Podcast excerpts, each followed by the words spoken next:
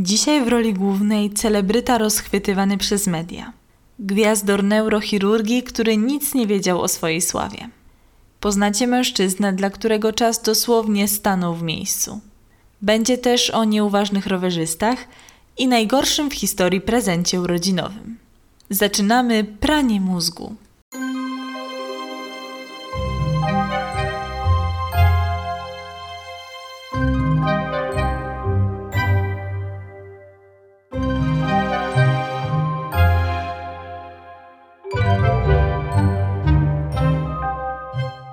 Witam Was w drugim odcinku podcastu Pranie mózgu. Bardzo mi miło. Przejdźmy do konkretów. Henry Molaison nie był w stanie niczego zapamiętać. To znaczy niczego od pewnego momentu. Zacznijmy więc od początku. Henry Gustav Molaison urodził się 26 lutego 1926 roku w Hartford w USA. Datę urodzenia podaję tutaj z myślą o osobach, które tak jak ja lubią wiedzieć, kto znany urodził się tego samego dnia co oni.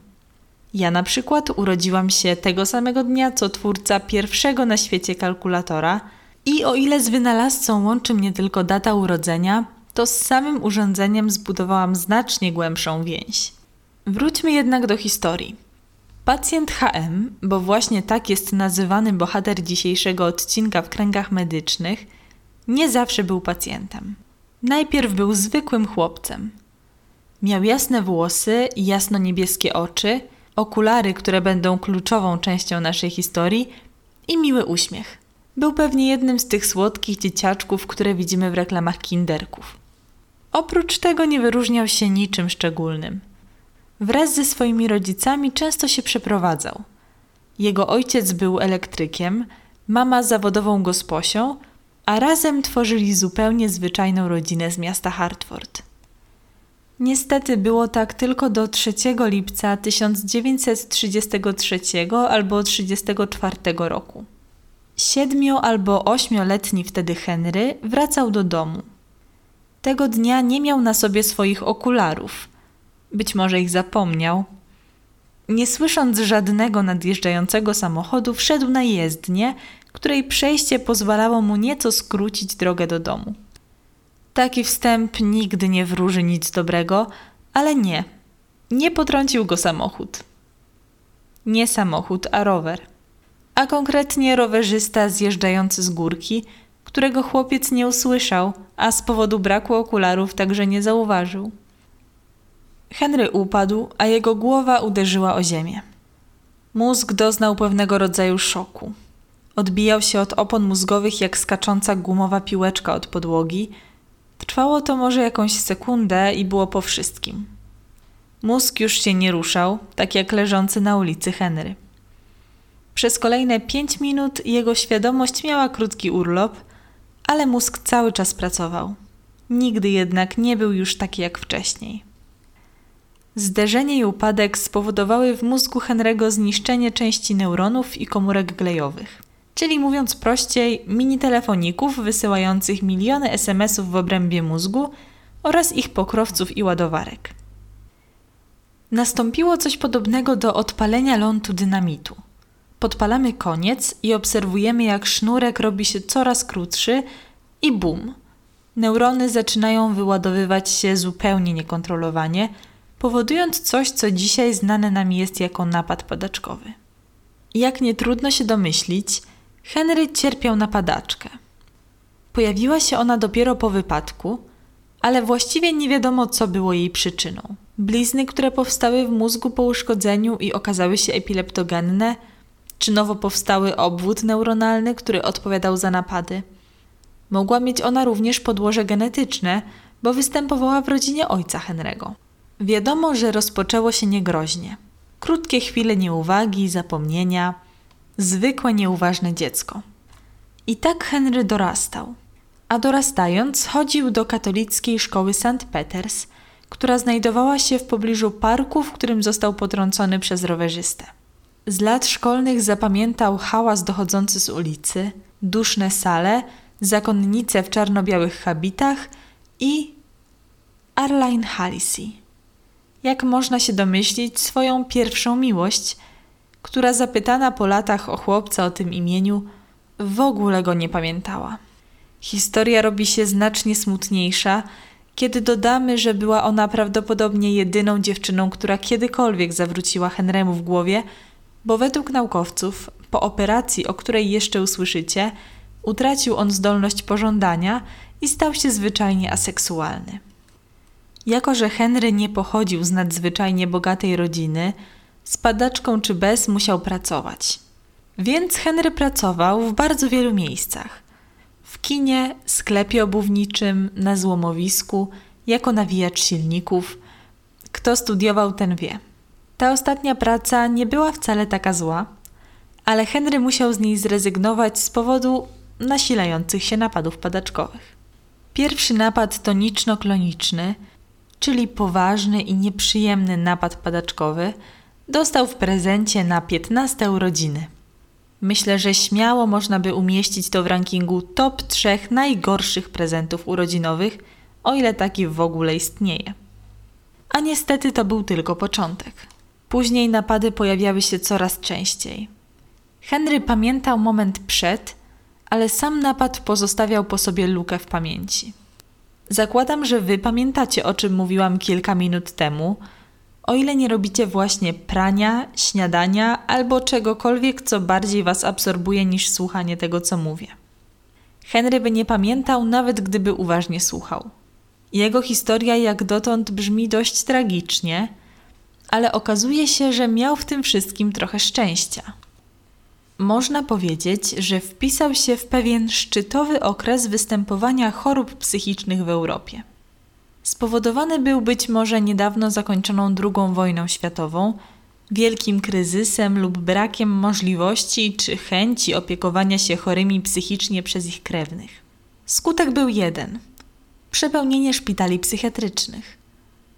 Sytuacja była na tyle poważna, że zainteresowały się nią w końcu amerykańskie władze, ustanawiając ustawę o zdrowiu psychicznym, dzięki której sytuacja miała zmienić się na lepsze. I jak? budując nowe szpitale lub zapewniając większe środki na ich utrzymanie? Otóż nie, wydając pozwolenie na przeprowadzanie operacji lobotomii. W dużym skrócie polega ona na przecięciu połączeń między pewnymi obszarami mózgu, utrudniając im komunikację, a tym samym zapobiegając uogólnianiu się napadów padaczkowych, czyli obejmowaniu przez nie całości mózgu. Tak się złożyło, że w tamtym czasie wielu naukowców prowadziło również badania nad funkcjami obszaru hipokampa w ludzkim mózgu.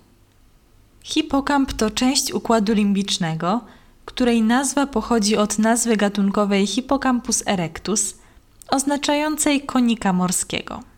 To połączenie ma sens dopiero wtedy, kiedy przyjrzymy się kształtowi tej struktury mózgowej. Okazuje się, że każdy z nas ma w mózgu mniej więcej na wysokości końca płatka ucha, po obu stronach, po jednym koniku morskim. O tym, jak ważny okazuje się ten konik, mówi nam właśnie historia pacjenta HM. Nazwiskiem, które bardzo często pojawia się obok tych słynnych inicjałów, jest nazwisko doktora Scovilla. Tego, który przeprowadził operację, o której opowiem już za kilka chwil – i który należał do grona naukowców zainteresowanych budową i funkcjonowaniem obszaru hipokampa. Ich początkowe odkrycia były marne. Wprowadzone zabiegi lobotomii nie przynosiły oczekiwanych skutków. Wszelkie badania wykonywano zazwyczaj u pacjentów szpitali psychiatrycznych, którzy często byli poważnie upośledzeni, częściowo przez długoletni pobyt w zakładach – więc ich zachowania niewiele miały wspólnego ze stanem normatywnym. Wtedy właśnie pojawił się pomysł, by wspomniane zabiegi lobotomii zacząć stosować nie tylko u osób chorych psychicznie, ale u poczytalnych pacjentów cierpiących na padaczkę.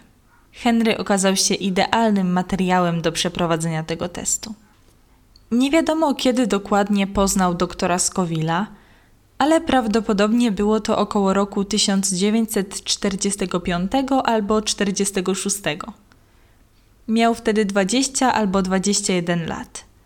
Niedawno ukończył szkołę, a jego hobby było kolekcjonowanie broni palnej.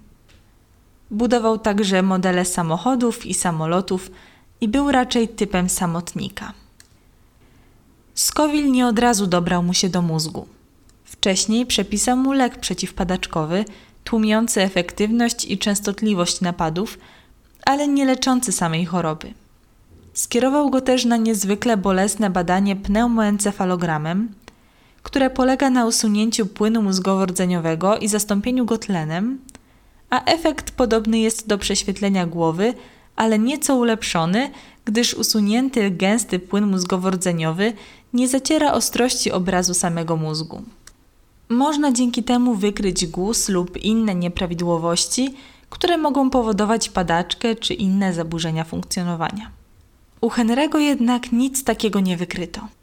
Sytuacja zmieniła się w roku 1953, jak nie trudno się domyślić, na gorsze. Lekarstwa nie pomagały, mimo że Henry zażywał dziennie ogromne dawki. Pięć razy dilatin, trzy razy mesatonin, dwa razy fenobarbital, trzy razy tridione. Brzmi to prawie jak menu jakiejś wykwintnej restauracji. Padaczka Henry'ego musiała być zatem bardzo wybredna, bo żadne dawki nie potrafiły jej zaspokoić. Napady nie ustępowały. Dziennie Henry miewał nawet kilka, czasem te standardowe, które znamy, z upadkiem i utratą przytomności, a czasem tak zwane napady nieświadomości, podczas których Henry wydawał się być przez chwilę zapauzowany.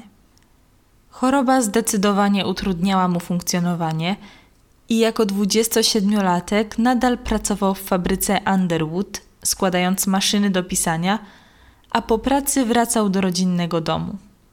Oczywiście autostopem, nie mógł przecież prowadzić samochodu. Wieczorami zamiast spędzać czas na tanecznych zabawach słuchał radia i rozbrzmiewającej w nim popularnej wówczas muzyki rock'n'rollowej, jive'a i innych skocznych rytmów.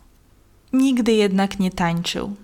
Życie obserwatora przerywał tylko podczas krótkich weekendowych spacerów do lasu, by w słoneczne dni trochę postrzelać. Perspektywy na przyszłość nie były obiecujące.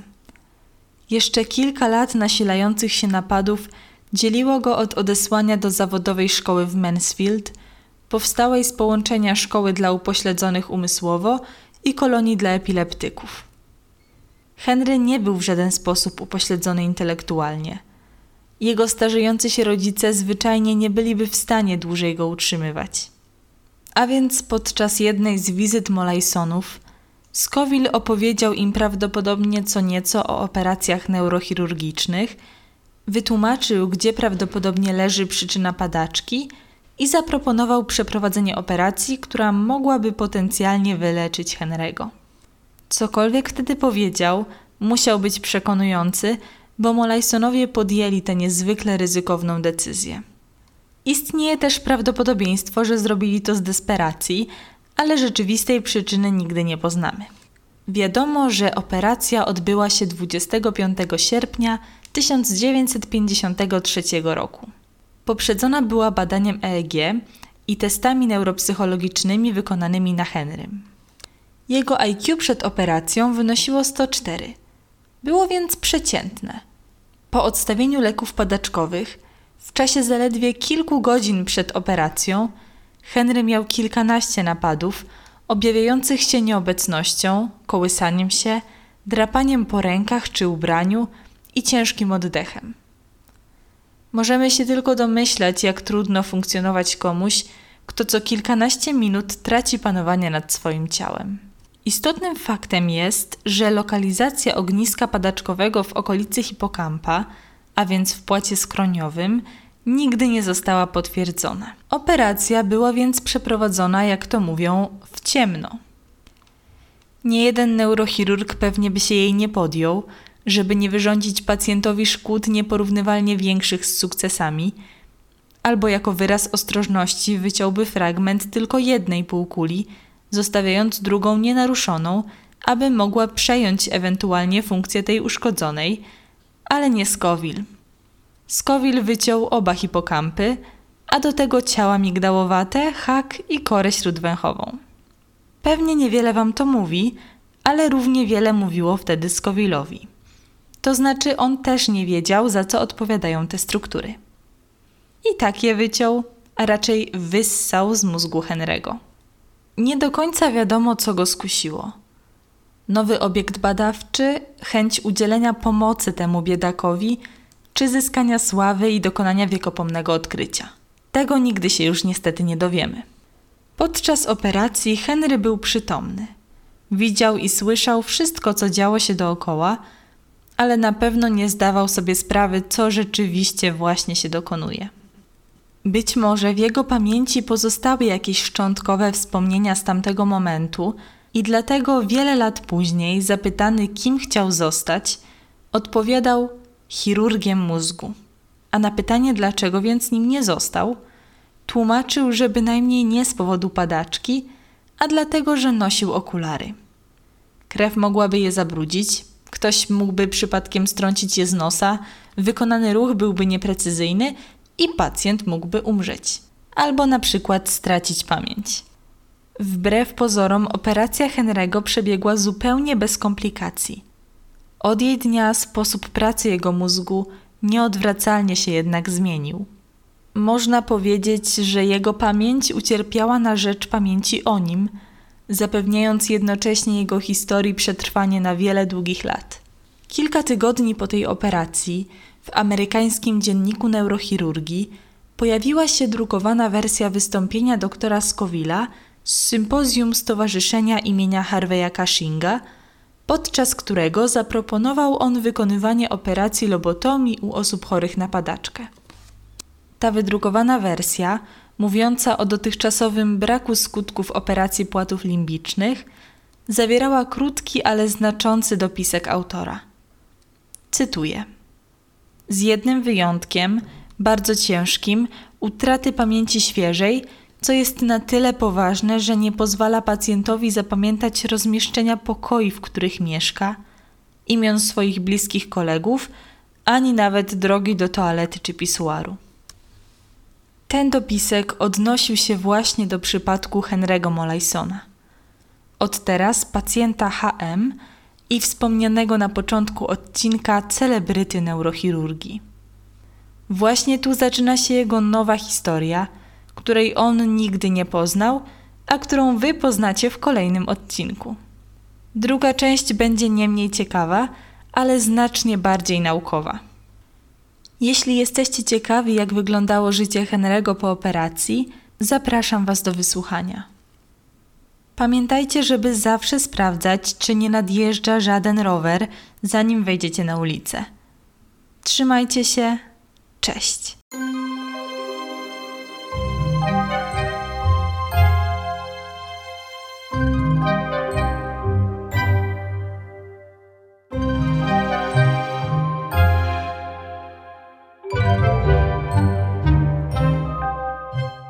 Odcinek powstał na podstawie książki Luca Dietricha Eksperyment.